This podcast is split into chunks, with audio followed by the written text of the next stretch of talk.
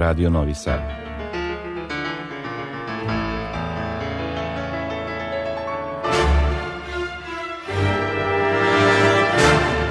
Domaća muzička scena.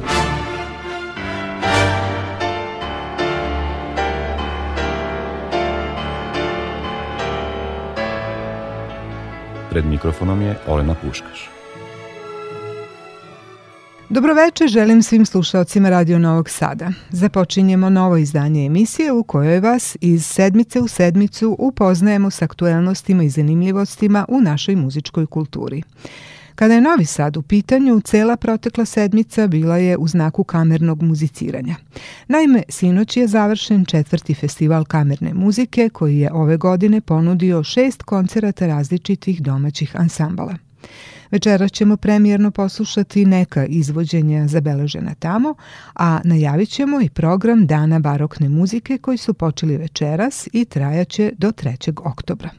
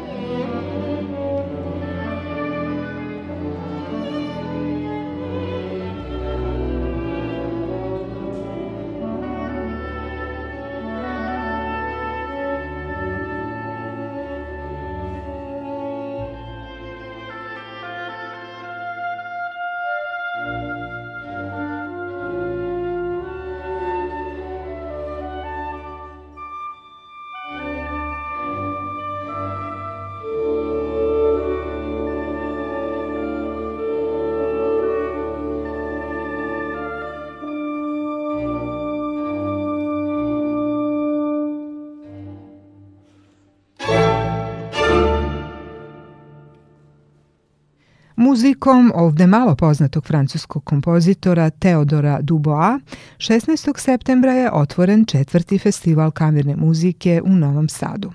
Uprko svim preprekama i problemima koji su se pojavili prošle i ove godine zbog koronavirusa, kontinuitet je održan, a program i učesnike koje su odabrale dve članice Novosadskog duvačkog kvinteta u ulozi izvršnih direktorki festivala, Ksenija Mijatović-Korom i Veronika Antunović-Marić, bio je prilagođen novim okolnostima, ali dovoljno šarolik i izazovan kako za publiku, tako i za učesnike.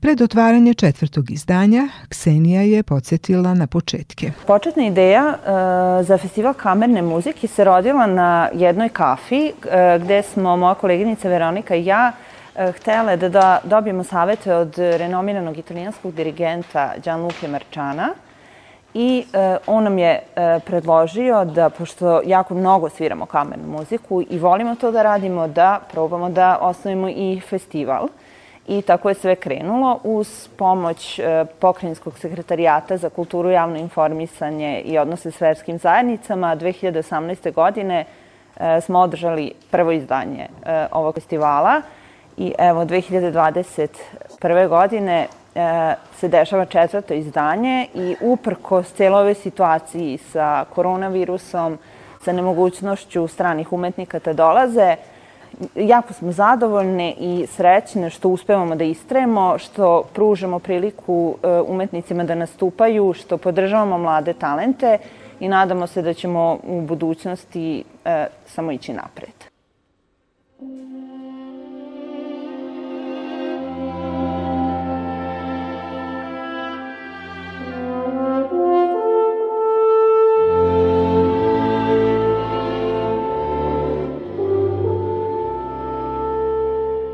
Do sada smo na festivalu kamene muzike sarađivali i sa velikim brojem stranih umetnika. Pre svega bih tu napomenula istaknutog libanskog kompozitora i pijanistu Haleda Mozanara, zatim italijanskog bandoneonistu Marija Stefana Pietrodarkija, e, tu tu je bila flutiskinja Luiza Selo, gitarista Luka Lučini i mnogi drugi.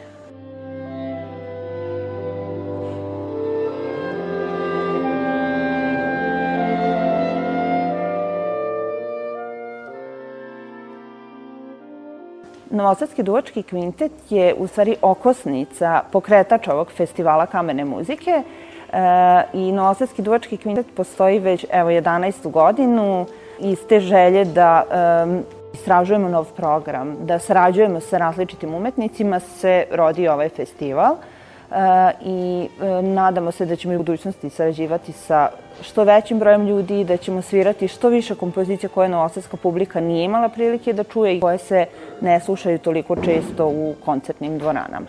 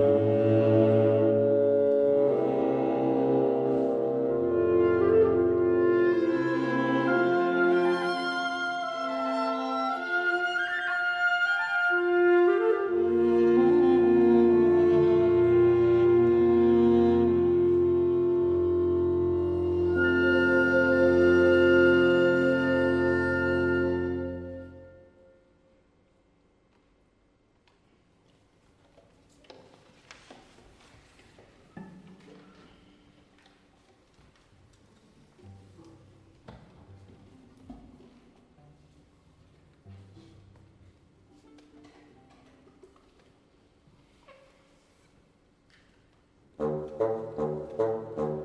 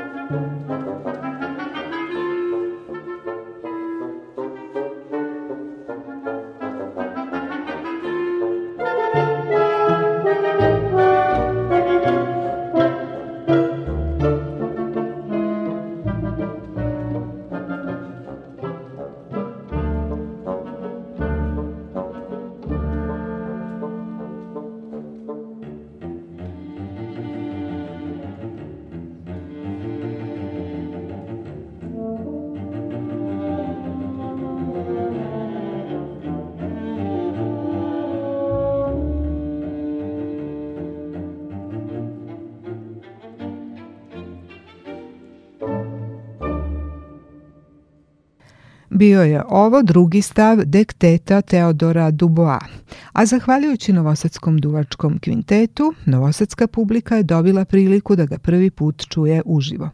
Njen autor je u drugoj polovini 19. veka svirao kao orguljaš u više parijskih crkava i radio kao profesor harmonije na Parijskom konzervatorijumu, a 1896. postao je direktor te čuvene ustanove.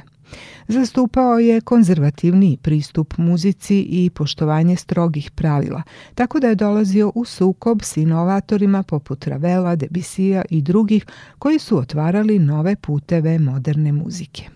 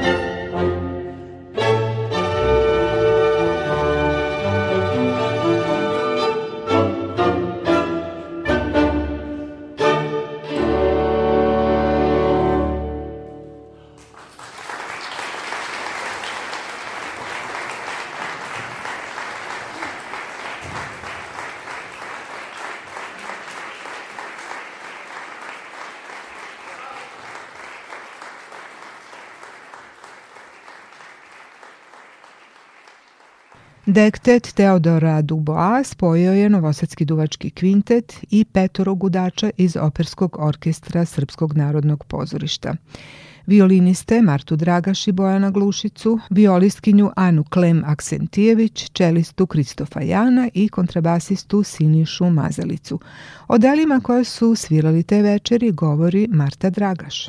Lično mi se dopada jako izbor programa zato što su dela različita. Imamo od e, romantičnih dela koje Dubois recimo je e, podsjeća na simfoniju i podsjeća na Bransa i melodije su veoma romantične i široke, dok su ostale kompozicije više podsjećaju na filmsku muziku, tako da su simpatične, e, slušljive i nadamo se da će se publici dopasti. Thank you.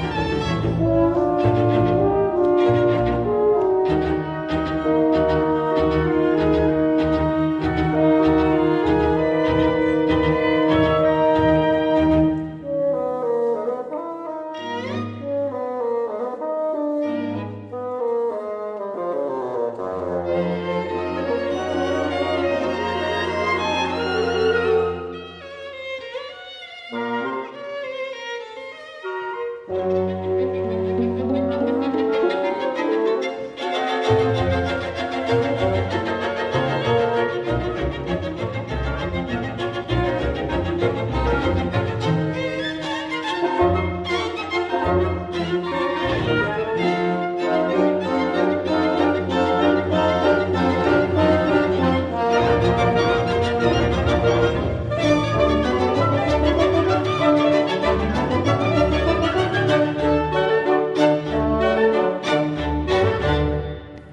Ovo je bio prvi stav noneta Bohuslava Martinua. Snimak je zabeležila naša tonsko-produkcijska ekipa 16. septembra na kamernoj sceni Srpskog narodnog pozorišta na prvom koncertu četvrtog festivala kamerne muzike.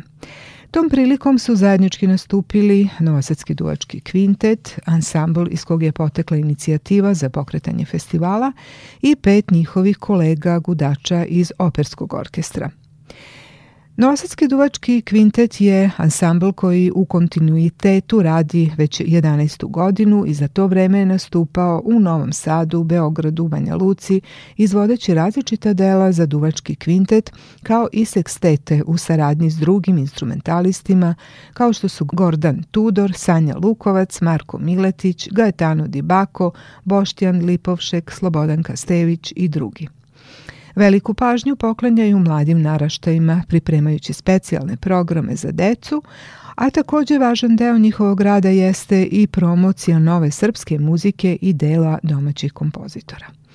Hornista Mirko Marić je svojevremeno okupio svoje kolege i oformio ovaj ansambl, a ja sam ga upitala šta ga je motivisalo na to. Inicijalna kapisla za osnivanje ovog sastava je bio period mog boravka u Ljubljani gde sam studirao 2008.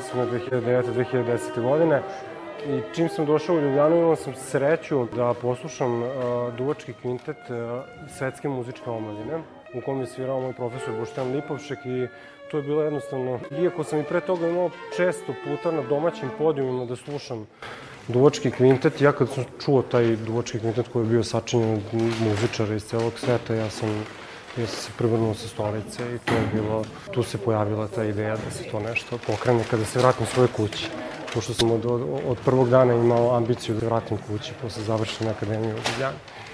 Za 11 godina čovjek prođe mnogo toga, od prvih stvari koje se tiču odrastanja, pelcovanja, vaspitanja, male boginje, velike boginje i tako to. I onda ansambl se 10 godina prerastao u nešto čemu vi počnete da se diviti kao, kao, kao rođenom detetu koje odgajate i koje negujete posvećenom pažljivo.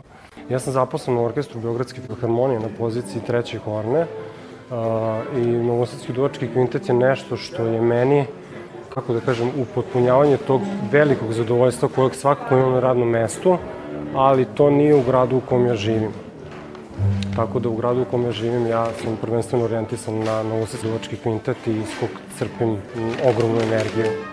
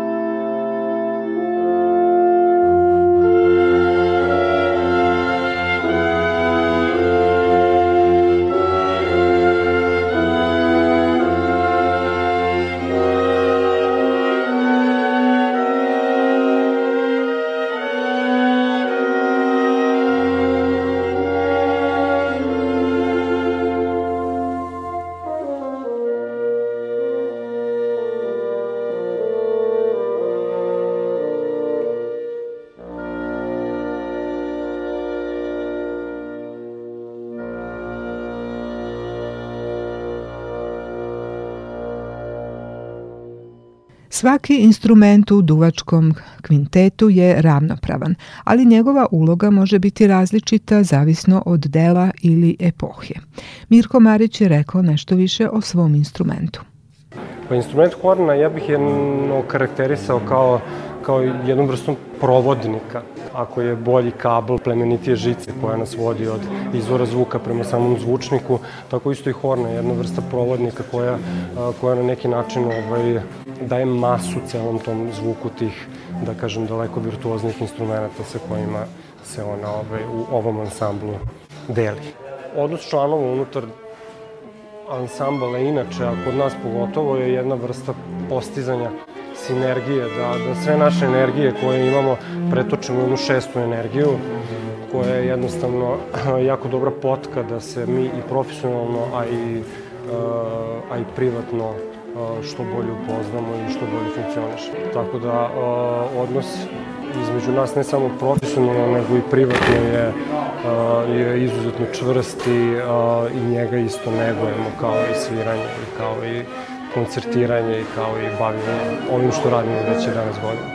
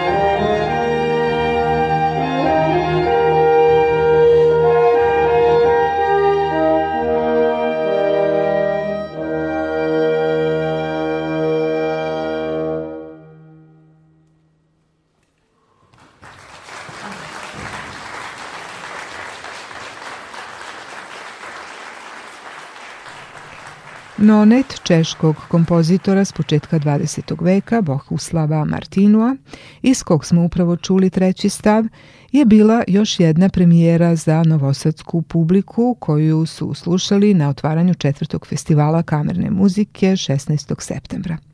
Rekoh već da je nosilac programa te večeri bio novosadski duvački kvintet. Njegovi članovi su Ksenija Mijatović korom flauta, Kristijan Boroš klarinet, Veronika Antunović Marić oboa, Mirko Marić Horna i Goran Marinković fagotista, koji se kasnije uključio u ansambl. Ja sam se uključio u ansambl Novosadski duvački kvintet pre četiri godine sa posebnim pijetetom i zadovoljstvom, jer su to moje mlađe kolege koje poznajem od ranije i neki od njih su bili moji studenti. E, zadovoljstvo svirati u takvom ansamblu koji je već formiran, koji je na stabilnim nogama, kako bi rekli, sa iskustvom, sa prođenom literaturom, sa poznavanje muzičke sadržine sa jasnim ciljem i idejom što zapravo od kamernog zvuka hoće. Ja sam se uključio i negde došao zapravo na gotovo, skoro na gotovo. Naime, e, svaki, svaki program u koji smo ulazili je za sve e, muzičare izazov, za mene poseban i posebna odgovornost i, i e, pijetet prema ansamblu koji je tako lepo negovan kao novosadski duvački kvintet. S tim je, što je moja odgovornost sada bila još malo dodatno jača, jer e, ne da sam morao da odgovorim na kvalitet, nego sam morao da dam i neki svoj lični, lični pečat. Naime, ja se bavim kamernom muzikom profesionalno, ja predajem na Fakultetu muzičke umetnosti predmet kamerna muzika, rad sa duvačkim ansamblima i zapravo je duvački kvintet negde najuža stručna oblast kojom se ja zapravo bavim lično sa studentima i kroz iskustvo proteklih decenija.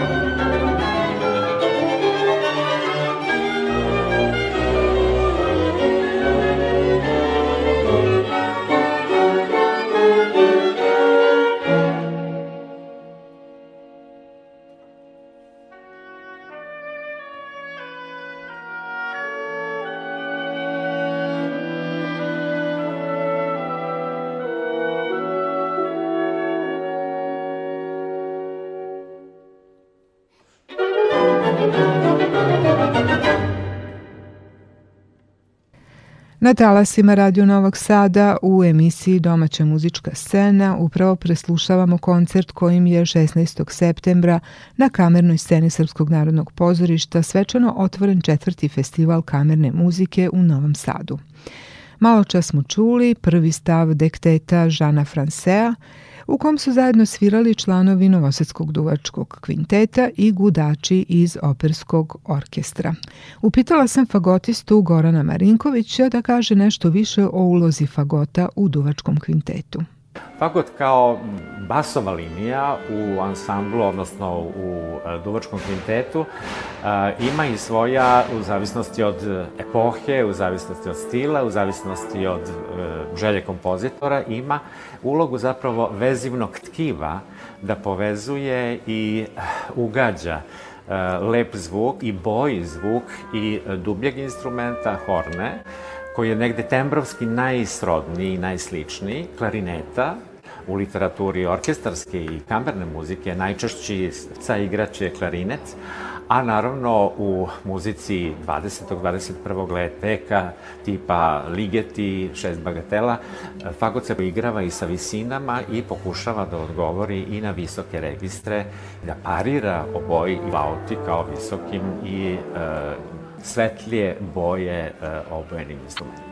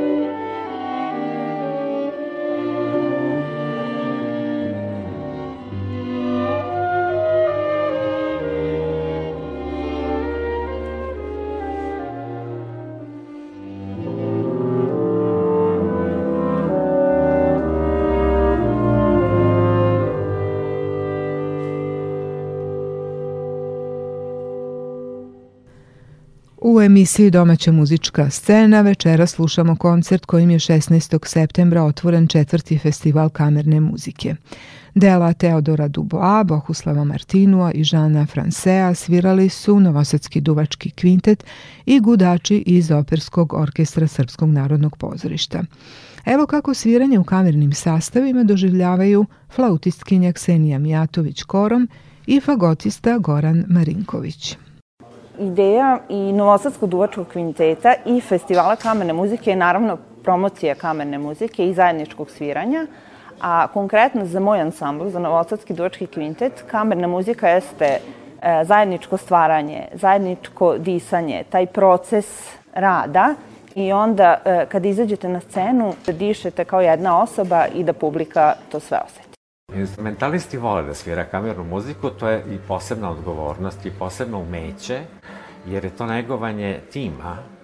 Naime, sve ono što mi godinama stičemo iskustvom kroz školovanje, kroz e, profesionalni rad, kroz svaki izlazak na binu, zapravo e, kao e, sportski tim Ukoliko vi ne delite na sceni, a to su uglavnom manje grupe od 3, 4, 5, u ovom slučaju 5 instrumenta, a u večerašnjem programu će biti i 10, jer kombinujemo duvačke instrumente sa gudačkim, tako je koncipiran program.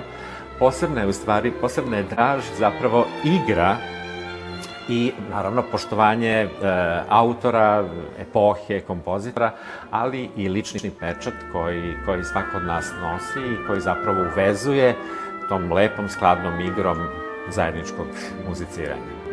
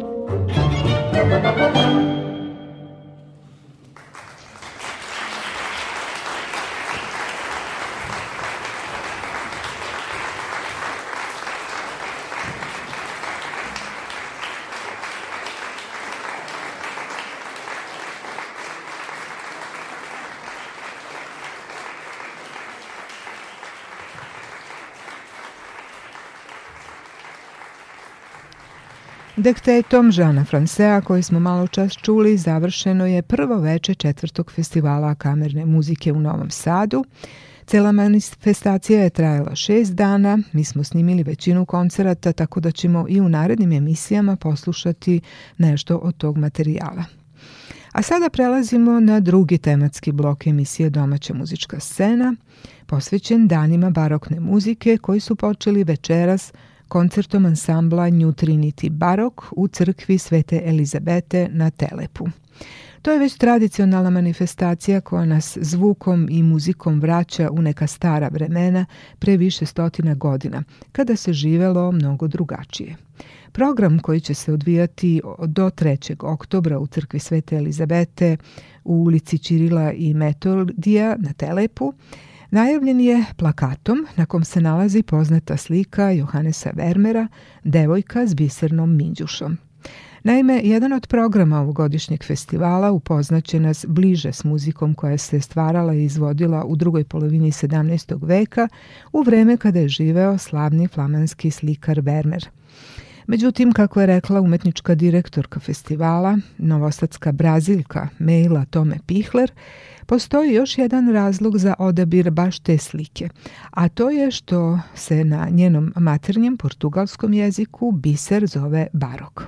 Tako je povezano značenje bisera i baroka, a simbolika se širi i na mnogo drugih detalja, jer je vreme nastanka te slike zapravo bilo razmeđa dve epohe, renesanse i baroka, a osim toga nijanse boje, senki i oblika na slikama tog vremena mogu se prepoznati i u jeziku muzike koja će se izvoditi. Barok je od našeg vremena udaljen skoro tri veka i posebno je zanimljiv za muzikologe i izvođače zato što postoje dva pravca u tumačenju tada napisanih dela. Jedan podrazumeva da se te partiture izvode na modernim, usavršenim instrumentima, a drugi istražuje autentičnost tog vremena svirajući tu muziku na replikama instrumenta koji su tada bili u upotrebi.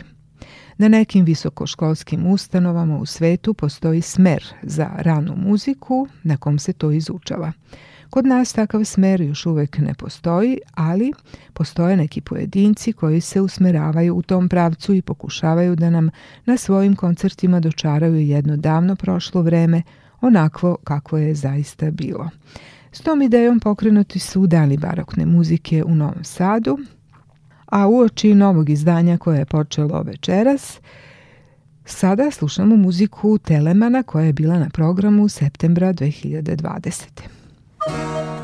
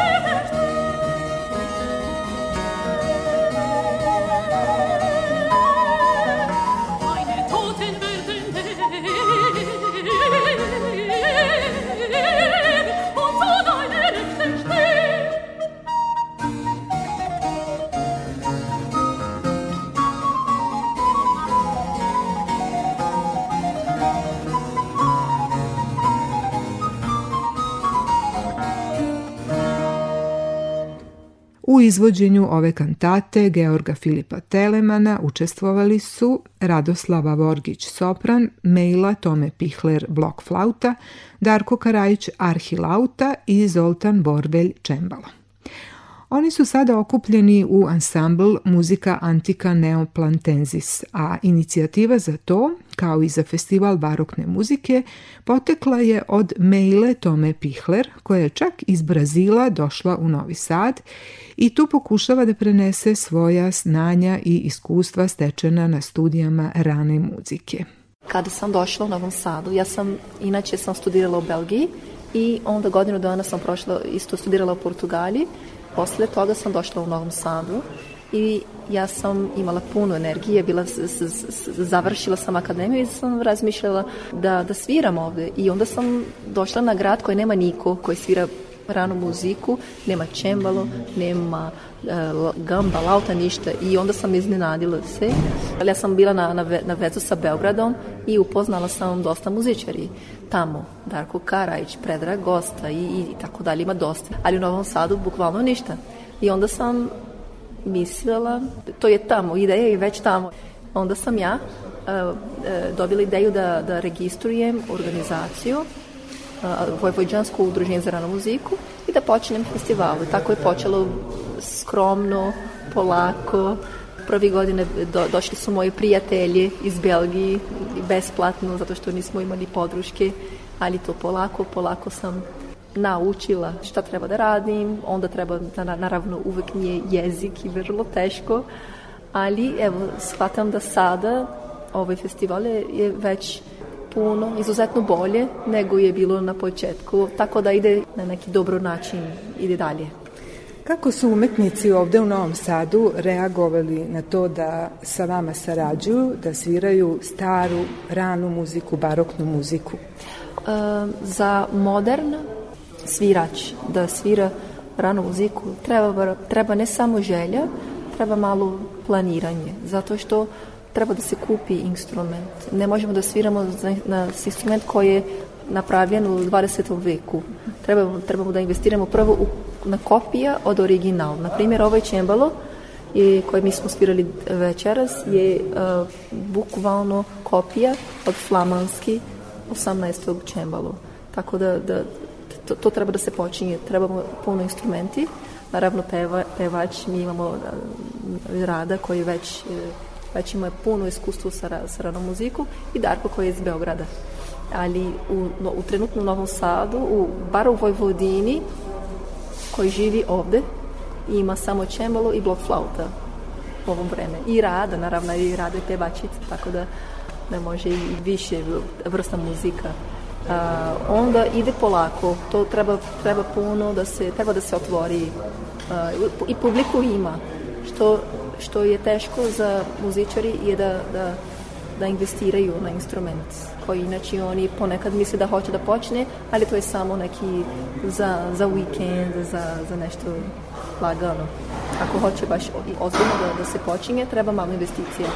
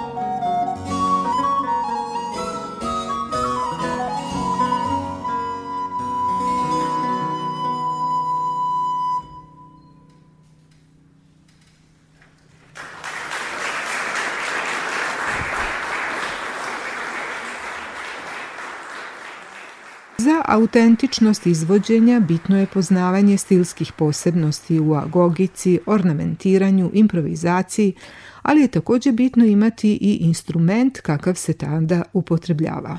Darko Karajić je na ovom koncertu svirao jedan takav instrument o kom nam je više rekao u razgovoru. Vi ste najiskusniji član ansambla muzikantika Neoplante. Neoplante E, svirate žičane instrumente, a večera ste svirali na Arhilauti. E, kako biste nam predstavili taj instrument koji je veći od laute, kao neka velika gitara nama izgleda? Pa arhilaute ili arči ljuto, kako bi rekli italijani, moglo bi još da se nazove italijanska barokna lauta i ona je veoma zgodna za kontinuo sviranje e, zrelog baroka. Znači kasnih baroka, za rani barok je više teorba, ali takođe može se koristiti i Arhilauta, a za ovaj e, kasni barok ili izreli barok, znači za Baha, Kendla, Telemana, Vivaldija, Arhilauta je e, dobar izbor kada je kontinuirni instrument u pitanju iz porodice Lauta. Isto.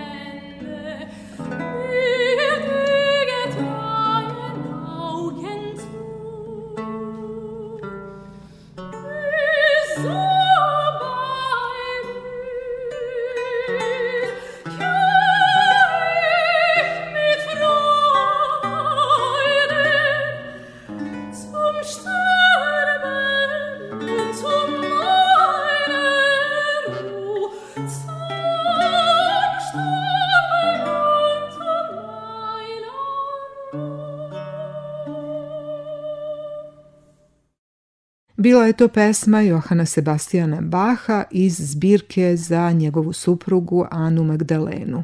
Ovom dodajem još jedan deo iz razgovora s Darkom Karajićem. Ovaj instrument nema neku veliku ulogu, on je e, kontinu instrument, znači instrument koji samo daje jednu, da tako kažem, po noću i ajde, ponekad i neki gruva, makar u ovoj muzici toga nema. Ali ovaj, ono što je posebno interesantno što smo mi večeras, pošto smo um, na dalekim relacijama što se stanovanja tiče Beograd, Senta, Novi Sad, mi smo ovaj program uradili za dve probe. Znači mi smo se dva puta našli i uradili, tako da je ovo zaista jedan lavovski posao i hrabar posao za tako ovaj kratko vreme uraditi ovako težak program. Ćemo svirati ovaj program takođe u Beogradu festivalu, još nekoliko dana će proći, tako da će to još da uzri.